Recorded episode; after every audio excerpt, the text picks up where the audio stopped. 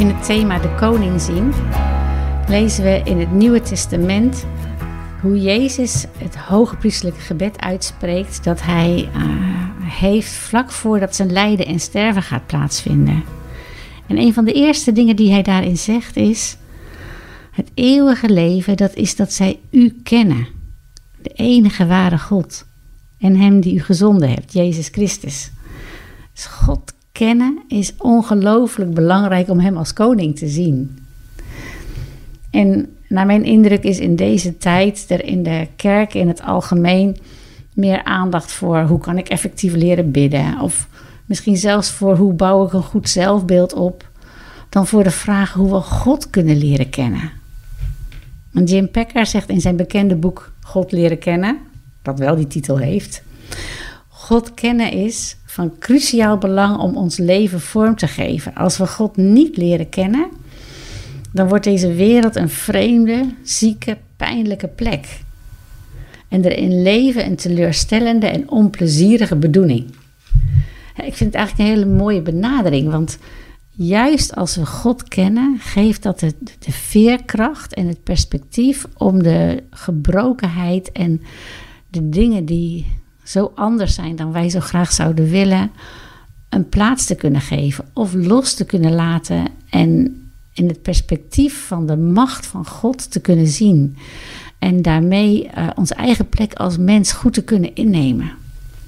Als Daniel bidt, dan zegt hij: De Heer, de grote en ontzagwekkende God. En Daniel bracht veel tijd in gebed door. En dat is hoe we God leren kennen.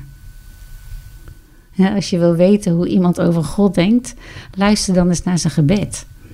Degenen die God goed kennen, beginnen vaak met het prijzen van zijn grootheid en het erkennen van zijn macht. In Psalm 46 staat: Wees stil en weet dat ik God ben. En heb jij een God met wie je stil kunt zijn? Met andere woorden, is je leven zo'n oneindige cirkel van activiteiten dat als je je op God wilt richten, dat dat maar kort lukt. Je bidt even en dan ga je weer. Ik moet bekennen dat ik van die periodes heb dat ik echt maar weinig ruimte in mezelf voel om echt stil bij God te zijn. Maar God leren kennen betekent, zoals de tekst zegt, op Hem wachten, over Hem denken, Hem aanbidden, studeren in Zijn woord. En het is van zulk vitaal bazaal belang dat we tijd met God doorbrengen.